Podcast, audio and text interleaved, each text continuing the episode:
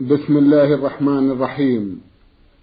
الحمد لله رب العالمين والصلاة والسلام على نبينا وسيدنا محمد وعلى آله وصحبه وسلم.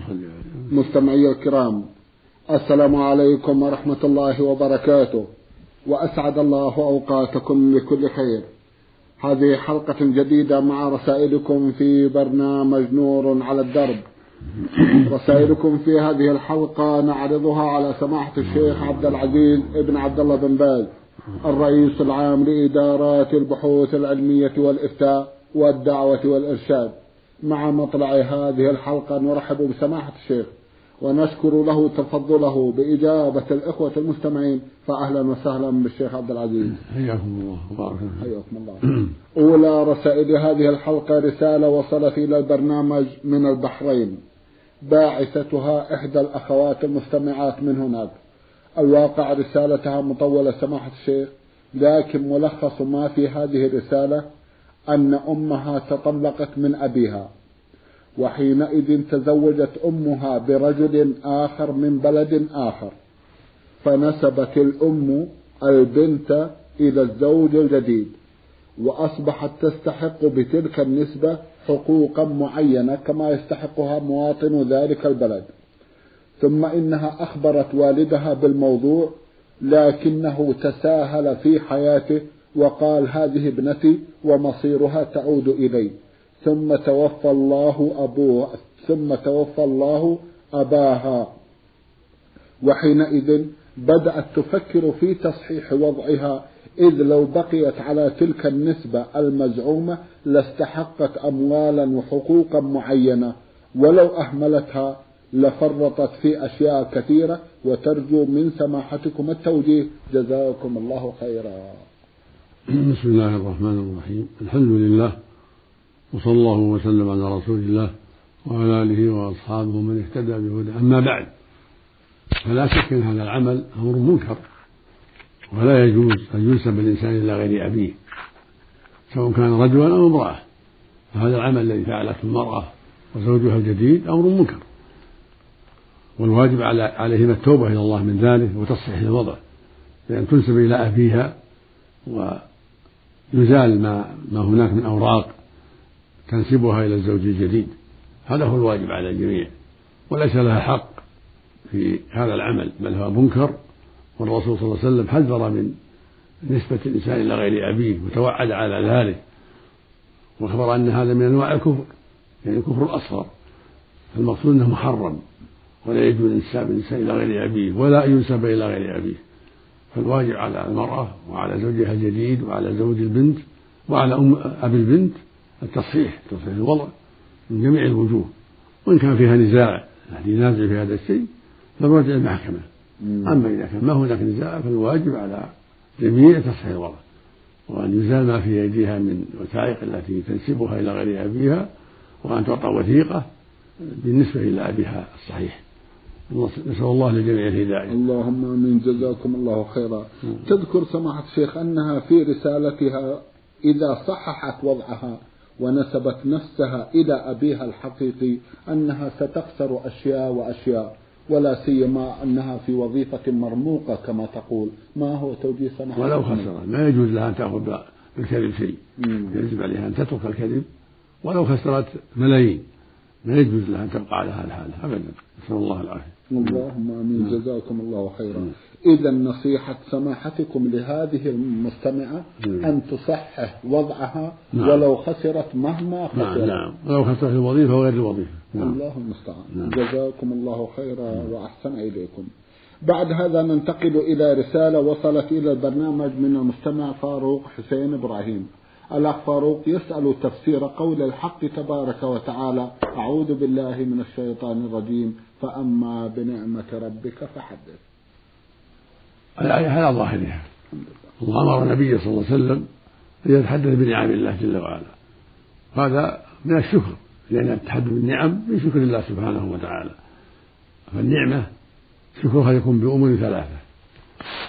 الاعتراف بها باطنا وأنها من الله ومن فضله سبحانه وتعالى والتحدث بها ظاهرا بلسانه والأمر الثالث صرفها في مرات المعني بها سبحانه وتعالى والاستعانة بها على طاعة الله جل وعلا.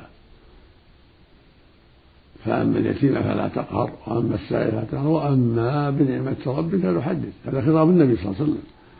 وهكذا كل مسلم كل مسلمة عليهم التحدث بنعم الله نشكر الله على ذلك.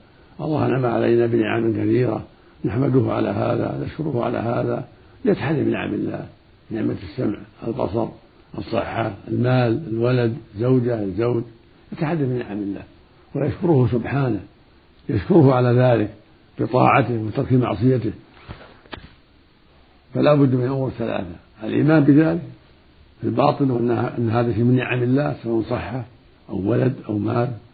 يؤمن بقلبه أن هذا من نعم الله وأنه سبحانه محسن بذلك وتحدث بلسانه بهذه النعم ويشكر الله عليها بلسانه ويشكر الله أيضا بعمله وذلك بطاعة الله في هذه النعمة يعني يستعين بها على طاعة الله وأن يصرفها في مرضاته سبحانه لا في معاصي نعم. جزاكم الله خيرا. إذا هذا هو تفسير الآية الكريمة. نعم. وأما بنعمة ربك فحدث نعم. جزاكم الله خيرا وأحسن إليكم. يسأل أخونا عن صلاة المسافر الذي يقصر ويجمع بالمقيمين. هل تجوز أو لا؟ نعم صلاة المسافر المقيمين صحيحة. فإذا سلم يتمون يتمون. إذا كان مسافر وهم مقيمون صلوا معها الظهر اثنتين والعصر اثنتين والعشاء اثنتين ثم يتمون. أما هو المسافر إذا صلى خلف المقيم فإنه يتم يصلي أربعة. إذا كان المسافر مأموما والإمام مقيم فإن المسافر يتم يصلي أربعة. جزاكم هكذا السنة. نعم. جزاكم الله خيرا وأحسن إليكم. ما حكم من تذكر الفائتة بعد أن شرع في الحاضرة؟ هل يغير نيته أو يبقى على وضعه؟ جزاكم الله خيرا. كان مع إماما أو مأموما فلا حال. وإن كان مفرد فلا حال. إن كان عليه فريضة نسيها أو نام عنها ثم أحرم بالتي بعدها ناسيا يقطعها.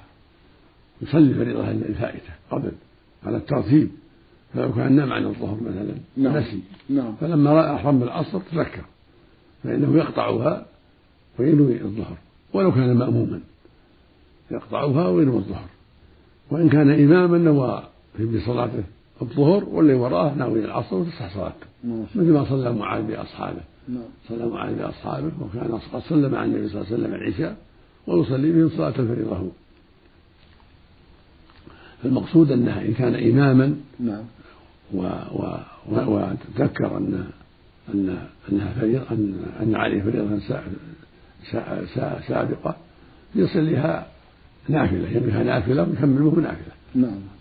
هم هم يصلون هم صلاتهم صحيحة. ما شاء الله. وإن كان عند الإحرام بعد إحرام ونواها الفائتة التي عليه صحت منه أيضا وصلاتهم صحيحة. لأن اختلاف النية هذا الصحيح ما يؤثر. الحمد لله. وإن كان مأموما نعم. صلى أرب لبى أحرم معهم بالعصر يحسب عليه الظهر ثم تذكر أن عليه الظهر ينوي قطع الصلاة ثم يحرم بإحرام جديدا بنية الظهر. وتجزي خلف العصر. فإذا صلى العصر صلى بعدها العصر سواء في المسجد أو في بيته. إن كان يريد جماعة صلى معه العصر ولا صلىها في بيته. نعم. الحمد لله. جزاكم الله خيرا. إذا الفائتة مقدمة بكل حال. نعم. نعم. إلا إذا ما تذكر إلا بعد ذلك معلش نعم نعم. جزاكم الله تذكر ما تذكر عليه الظهر ولا ولا ولا تذكر إلا بعد ما صلى العصر تجزي صلاة العصر. ويصلي الظهر بعدين. نعم. ما شاء الله. جزاكم الله خيرا. نعم. المستمع علي محمد إبراهيم من ليبيا بعث بثلاثة أسئلة. في أحد أسئلته يقول البعض من أهل السنة يخلع سنه الرباعية اقتداء بالرسول صلى الله عليه وسلم. ما قولكم في من يفعل ذلك؟ هذا لا أصل له هذا غلط.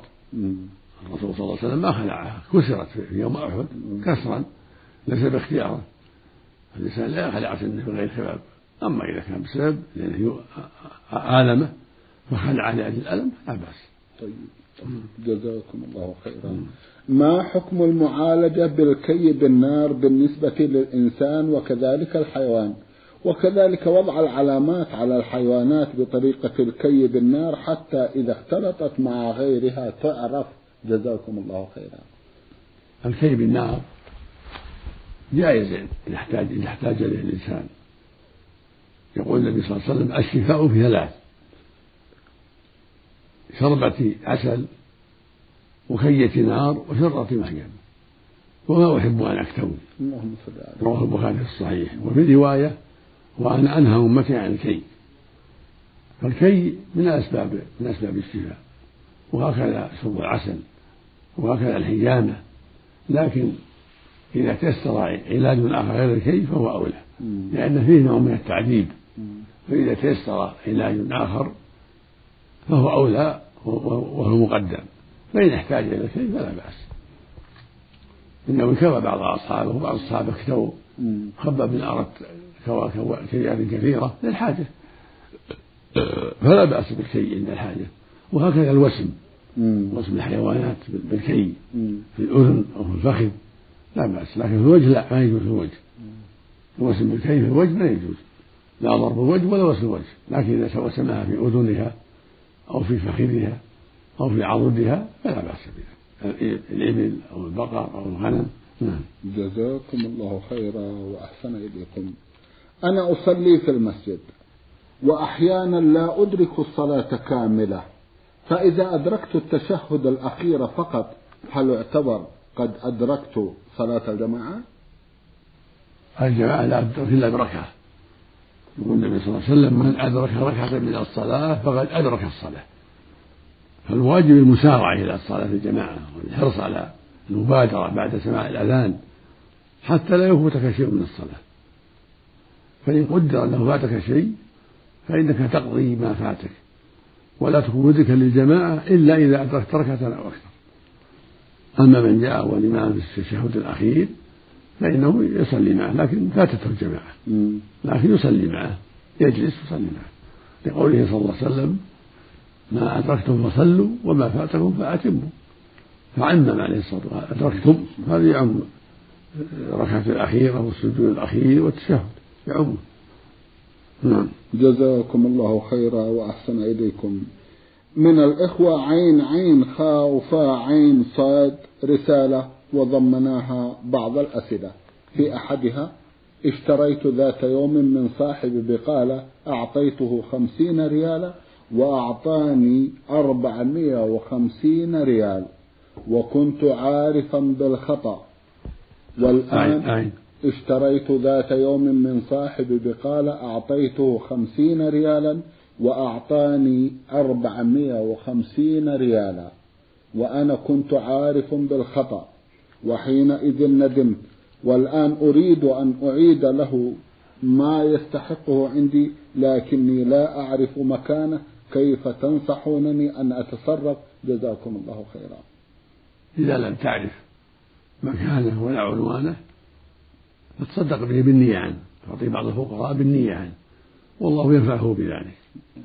فإذا جاء بعد حين وعرفته تخيره إن شاء قبل الصدقة وصارت له وإن شاء أعطيته ماله وكانت الصدقة لك والثواب لك والحمد لله. الحمد لله. جزاكم الله خيرا. يوجد عندنا مسجد وبخارجه قبور وهو المسجد الوحيد في القرية.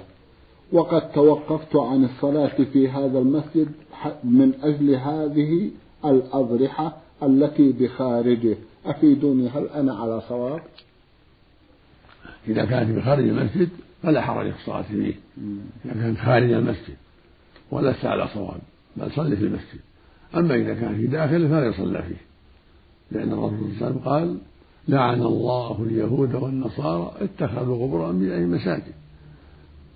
فالرسول حذر من اتخاذ القبور مساجد؟ لا يصلى عندها. وكل مسجد فيه قبور لا يصلى فيه. ويجب نبش القبور. إذا كانت موضوعة فيه وهو السابق فإنها تنبش وتنقل إلى المقبرة. أما إذا كان بني عليها هي السابقة هي ولكن بني عليها المسجد فإنه يهدم ولا يجوز بقاءه. لأن الرسول لعن من فعل عليه الصلاة والسلام. اللهم صل عليه نعم. جزاكم الله خيرا وأحسن إليكم. أحد الإخوة المستمعين سمى نفسه يوسف عثمان يوسف بعث برسالة يقول في أحد أسئلتها إذا أدى الإنسان فريضة الحج على أكمل وجه ولم يزر قبر الرسول صلى الله عليه وسلم ولم يذهب إلى المدينة المنورة هل عليه إثم في ذلك؟ ليس عليه إثم. الحج مستقل والزيارة مستقلة. فليس من شرط الحج الزيارة ولا من أركانه ولا من واجباته. فإذا حج ولم يزر المدينة ولم يزر النبي صلى الله عليه وسلم فلا شيء عليه. حجه تام. ولكن يستحب له يزور المدينة ويصلي في النبي صلى الله عليه وسلم في أي وقت. يزور المدينة لأن الرسول عليه السلام قال صلاة في مسجدي هذا خير من ألف صلاة فيما سواه. إلا المسجد الحرام وقال صلى الله عليه وسلم لا تشد الرحال إلا إلى ثلاث مساجد المسجد الحرام ومسجدي هذا ومسجد الأقصى. فيستحب له أن يزور المسجد النبوي ويسلم على النبي صلى الله عليه وسلم وعلى صاحبيه الصديق وعمر ويزور قباء يصلي يصلي في ركعتين مسجد قباء يزور البقيع ويسلم على أهل القبور وهكذا الشهداء في أحد يسلم عليهم كل هذا سنة. لكن شد الرحل يكون للمسجد. يكون شد الرحل بالنية للمسجد ثم إذا وصل المدينة سلم على النبي وعلى صاحبيه وزار مسجد قباء وسلم على المقبورين في البقيع وفي أحد نعم. هذا هو السنة نعم. جزاكم الله خيرا وأحسن إليكم عندما أكون مسبوقا وأدرك الجماعة في أي صلاة هل الركعات التي أصليها بعد تسليم الإمام أعتبرها هي التي سبقتني أم هي التي أدركتها مع الإمام؟ جزاكم الله خيرا. حين حين عندما أكون مسبوقا وأدرك الجماعة في أي صلاة هل الركعات التي أصليها بعد تسليم الإمام أعتبرها هي التي سبقتني أم هي التي أدركتها مع الإمام وآتي بالتي سبقتني؟ جزاكم الله خيرا. الصواب أن ما أدركه المسبوق هو أول صلاته. ما أدركه مع الإمام هو أولها. يقرأ فيه مع الفاتحة ما تيسر وما يقضيه آخرها هذا هو الصواب. لقوله صلى الله عليه وسلم ما أدركتم فصلوا وما فاتكم فأتموا هو إتمام للصلاة. نعم. جزاكم الله خيرا نعم. وأحسن إليكم. أحد الإخوة المستمعين بعث برسالة آثر فيها عدم ذكر اسمه يسأل ويقول هنالك رجل يصلي بأبنائه في بيته. ونحن ننصحه كثيرا بأن يصلي في المسجد هو وأبناؤه وهو يصلي في بيته ويقول للاطمئنان على أنهم قد صلوا. فهل عمل هذا الرجل صحيح؟ أم لا بد من صلاته في المسجد بعد ذلك يأتي ويصلي بأولاده؟ وجهوا لا جزاكم الله خيرا. الواجب عليه وعلى أولاده صلاة المسجد عليهم جميعا أن يصلوا في المسجد. وعليه أن يحاسبهم وأن يستعين بالله عليهم حتى يصلوا معه في المسجد. لقول الرسول صلى الله عليه وسلم مروا أبناءكم بالصلاة لسبع واضربوا معه العشر فهو يجتهد في هذا ويحرص حتى يذهبوا معه إلى المسجد ولا يجوز له أن يصلي في البيت. ومن تخلف منهم إن كان ابن عشر فأكثر أدبه وإن كان ابن سبع فأكثر إلى العشر فلا تأدب عليه بأس بالكلام الطيب والنصيحة والتوجيه. لكن إذا بلغ العشر استحق أن يضرب حتى يستقيم. نعم. جزاكم الله خيرا وأحسن إليكم. يقول هل يجوز للرجل أن يقول لابنه حج عني مع أنه على خير حال وله من المال ما يمكنه من الحج؟ أفيدونا جزاكم الله خيرا. لا لا يجوز أن يحج عن أبيه ولا عن غير أبيه. ما دام أبوه يستطيع الحج. ولا يقول له حج عني لا يقول له أبوه حج عني. هذا لا يجوز. إنما الحج عن الميت أو العاجز كبير السن العجوز الكبير أو الرجل الكبير أو المرض المريض الذي لا يرجى برؤه هذا يحج عنه لا بأس. أما إنسان صحيح أو مريض مرضا عادي يرجى برؤه هذا لا يحج عنه لا بأمره ولا بغير أمره لا عن أب ولا عن غيره. نعم. نعم. جزاكم الله خيرا وأحسن إليكم. هل يجوز لرجل أن يسافر بامرأة من غير محارمه؟ ثم إذا نوقش في ذلك يقول إنني مطمئن من نفسي. أي أي. هل يجوز لرجل أن يسافر بامرأة من غير محارمه؟ وإذا نوقش في ذلك يقول إنني مطمئن من نفسي. ليس له ذلك. لا يجوز للرجل أن يسافر امرأة وهي غير محرم له. ولو قال إنه مطمئن ولو كان من الصحابة لا يجوز أن يسافر المرأة وحده. الرسول قال لا تسافر الله إلا مع ذي محرم. الإنسان لا يأمن على نفسه ولا يثق بنفسه ولا يطمئن إليها. إن النفس لأمارة بالسوء إلا ما رحم ربي الله جل وعلا أمر باتباع الرسول صلى الله عليه وسلم والتمسك بهديه. فلا يجوز للمؤمن أن يخالف ذلك. يقول سبحانه وما آتاكم الرسول فخذوه. وما نهاكم عنه فانتهوا ويقول سبحانه فليحذر الذين يخالفون عن أمره أن تصيبهم فتنة أو يصيبهم عذاب أليم. فليس له يسافر بمرأة ليس لها محرم. يجب أن يدع ذلك ويحذر ذلك. وهو متهم بهذا وهي متهمة أيضا. فلا يجوز. نعم. جزاكم الله خيرا وأحسن إليكم رسالة بعث بها أحد الإخوة المستمعين من الرياض يقول مصري الجنسية. له جمع من الأسئلة في أحدها يقول يوجد مسجد قريب من مسكني أصلي فيه المغرب والعشاء والفجر يوميا ولله الحمد. فهل في كل مرة تجب علي تحية المسجد؟ أي. يوجد مسجد قريب من مسكني أصلي فيه المغرب والعشاء والفجر والحمد لله. فهل في كل مرة تجب أن علي أن أصلي تحية المسجد؟ نعم كل ما دخلت المسجد فعليك التحية سواء للظهر أو العصر أو المغرب أو العشاء. تحية المسجد سنة مؤكدة إذا دخلت المسجد وأنت على وضوء. لكن إذا صليت الراتبة راتبة الظهر مثلا تقوم مقام التحية. سنة الظهر سنة الفجر تكفي عن التحية. والحمد لله الحمد نعم. لله جزاكم الله خيرا. والدي قال لي ولإخوتي أثناء جلوسه معنا لنا قطعة أرض بجوار المنزل. هذه القطعة إن شاء الله تبنى عليها مسجد. ومر مدة على هذا الكلام حتى يسر الله علي بالمال. وأثناء تنفيذ وصية والدي وبناء المسجد حدثني البعض أن المساجد في البلد كثيرة ويمكن أن تتبرع بالمبلغ للمعهد الديني الذي سيقام في البلد فهل المسجد أولى أم المعهد أولى؟ جزاكم الله خيرا. أيوة. والدي قال لي ولإخوتي أثناء جلوسه معنا هناك قطعة أرض بجوار المنزل هذه القطعة إن شاء الله تبنى عليها مسجد. ومر مدة على هذا الكلام حتى يسر الله لي بالمال. وأثناء تنفيذ وصية والدي وبناء المسجد حدثني البعض أن المساجد في البلد كثيرة ويمكن أن تتبرع بالمبلغ للمعهد الديني الذي سيقام في البلد. فهل المسجد أولى أم المعهد؟ جزاكم الله خيرا. ينظر الأمر إن كان المكان في حاجة المسجد تتشاور مع أهل المحل السكان وتنظرون بحاجة المنطقة إلى المسجد أو تستعينون بالمحكمة حتى ينظر في الأمر فإذا كان المنطقة إذا كانت المنطقة تحتاج إلى مسجد فأمر المسجد في الأرض التي سماها والدك. أما إن كانت المنطقة في غير حاجة فإنكم تبيعون الأرض هذه وتبنون مسجدا في محل آخر. إذا المقصود الوالد هو بناء المسجد. فإذا كانت المنطقة في غني في غنية عن هذا عن هذه الأرض وعن هذا المسجد فإن الأرض تباع ويصرف ثمنها في أرض أخرى في محل محتاج للمسجد تعمرون هناك وتوفون بالوصية وصية والدكم وأمره. نعم. جزاكم الله خيرا وأحسن إليكم. إذا المحل لا يفكرون لا لا لا. مسجد مسجد. بارك الله فيكم. أوصى به المسجد كل مسجد. بارك الله فيكم وجزاكم الله خيرا. يقول أعمل في شركة مواد غذائية.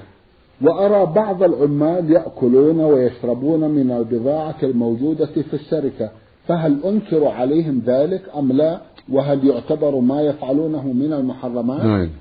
أعمل في شركة مواد غذائية. وأرى بعض العمال يأكلون ويشربون من البضاعة الموجودة في الشركة فهل أنكر عليهم ما يفعلون؟ وهل ما يفعلونه يعتبر من المحرمات؟ جزاكم الله خيرا. نعم. لا يجوز لهم أن يأكلوا منها. ولا يشربوا منها إلا بإذن المسؤول. إذا كانت البضاعة الشرب هذا للبيع والفواكه للبيع أو غيرها من الأطعمة ليس لهم أن يأخذوا منها إلا بإذن بإذن المسؤول عن هذه الشركة أو هذه البقالة. وليس لهم أن يقدموا على الأكل منها لأن هذا يضرها وقد يكون قد يكونوا كثيرا قد يكونوا كثيرين. نعم. فالحاصل لا بد من إذن المسؤول. لا بد من إذن المسؤول عن هذه البقالة أو هذه الشركة. نعم. جزاكم الله خيرا وأحسن إليكم رسالة وصلت إلى البرنامج من جدة وباعثتها إحدى الأخوات تقول من أختكم في الله ميم ميم مايدة أختنا تقول ما هي الأيام البيض؟ جزاكم الله خيرا. أيام البيض هي الثالث عشر والرابع عشر والخامس هذه البيض. يعني التي ليلها أبيض بالقمر ونهارها أبيض بالشمس والنهار. صيامها مستحب وإن صام في غيرها فلا بأس. السنة يصوم المسلم من كل شهر ثلاثة أيام وهكذا المسلمة الرسول صلى الله عليه وسلم أوصى بالصيام ثلاثة أيام من كل شهر. أوصى جماعة من الصحابة. فإذا صامها في العشر الأول أو في الوسطى أو في الأخيرة فكله طيب. وإن صامها في أيام البيض فهو أفضل. جزاكم الله خيرا وأحسن إليكم. تسأل سماحتكم التحدث عن صلاة الحاجة. هل هي مشروعة؟ وما كيفيتها؟ وهل وردت عن الرسول صلى الله عليه وسلم جزاكم الله خيرا؟ لا أعلم في صلاة الحاجة حديثا يعتمد عليه وإنما جاءت جاء الحديث صلاة التوبة صلاة الاستخارة صلاة الاستخارة إذا هم الإنسان بأمر وأشتبه عليه أمره يستخير الله فيه ويصلي ركعتين ثم يدعو الله يرفع يديه ويدعو الله ويستخيره بالدعاء المشهور. اللهم إني أستغفرك بعلمك وأستغفرك بقدرتك إلى آخر الحديث. وهكذا صلاة التوبة إذا كان عنده ذنوب يتطهر يصلي ركعتين ثم يتوب إلى الله توبة صادقة. والتوبة ليس من شرطها الصلاة لكن مستحب إذا تطهر وصلى ركعتين وتاب توبة صادقة كان أقرب إلى القبول ولو تاب وهو يمشي أو في الطريق أو في البيت أو رازد أو أي أي حال التوبة مقبولة إذا تمت شروطها. إذا ندم على الماضي وأقلع من السيئة وعزم ألا يعود فيها فالله يقبلها منه. سواء كان ماشيا أو واقفا أو راقد مضطجعا في البيت أو في الطريق أو في أي مكان. لكن إذا توضأ وأحسن الطهور ثم صلى ركعتين ثم رفع يديه لربه يسأله أن يمن عليه بالتوبة هذا أكمل وأحسن.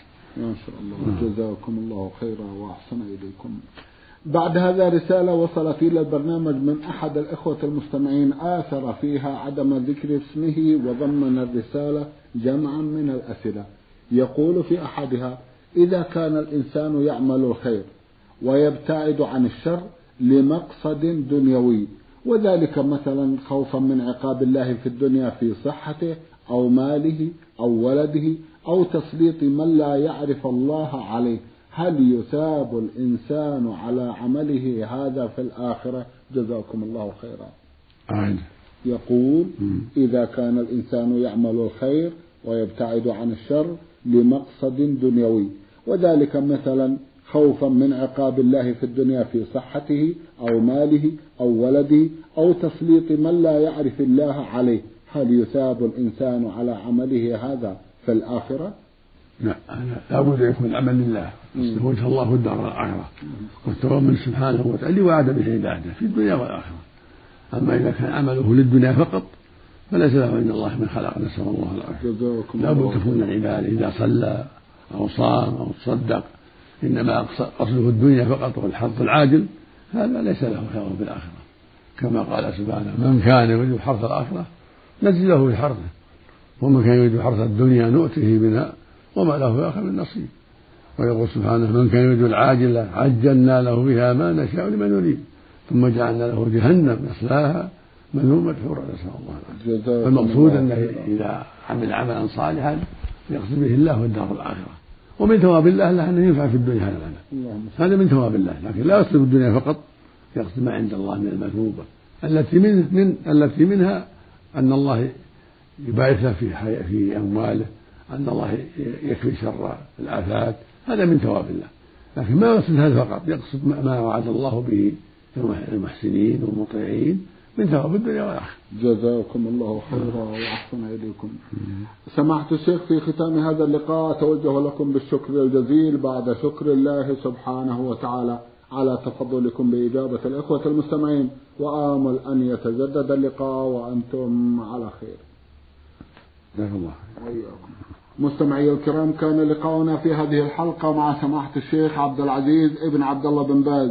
الرئيس العام لإدارات البحوث العلمية والإفتاء والدعوة والإرشاد. شكرا لسماحة الشيخ. وأنتم يا مستمعي الكرام شكرا لحسن متابعتكم. وإلى الملتقى. وسلام الله عليكم ورحمته وبركاته.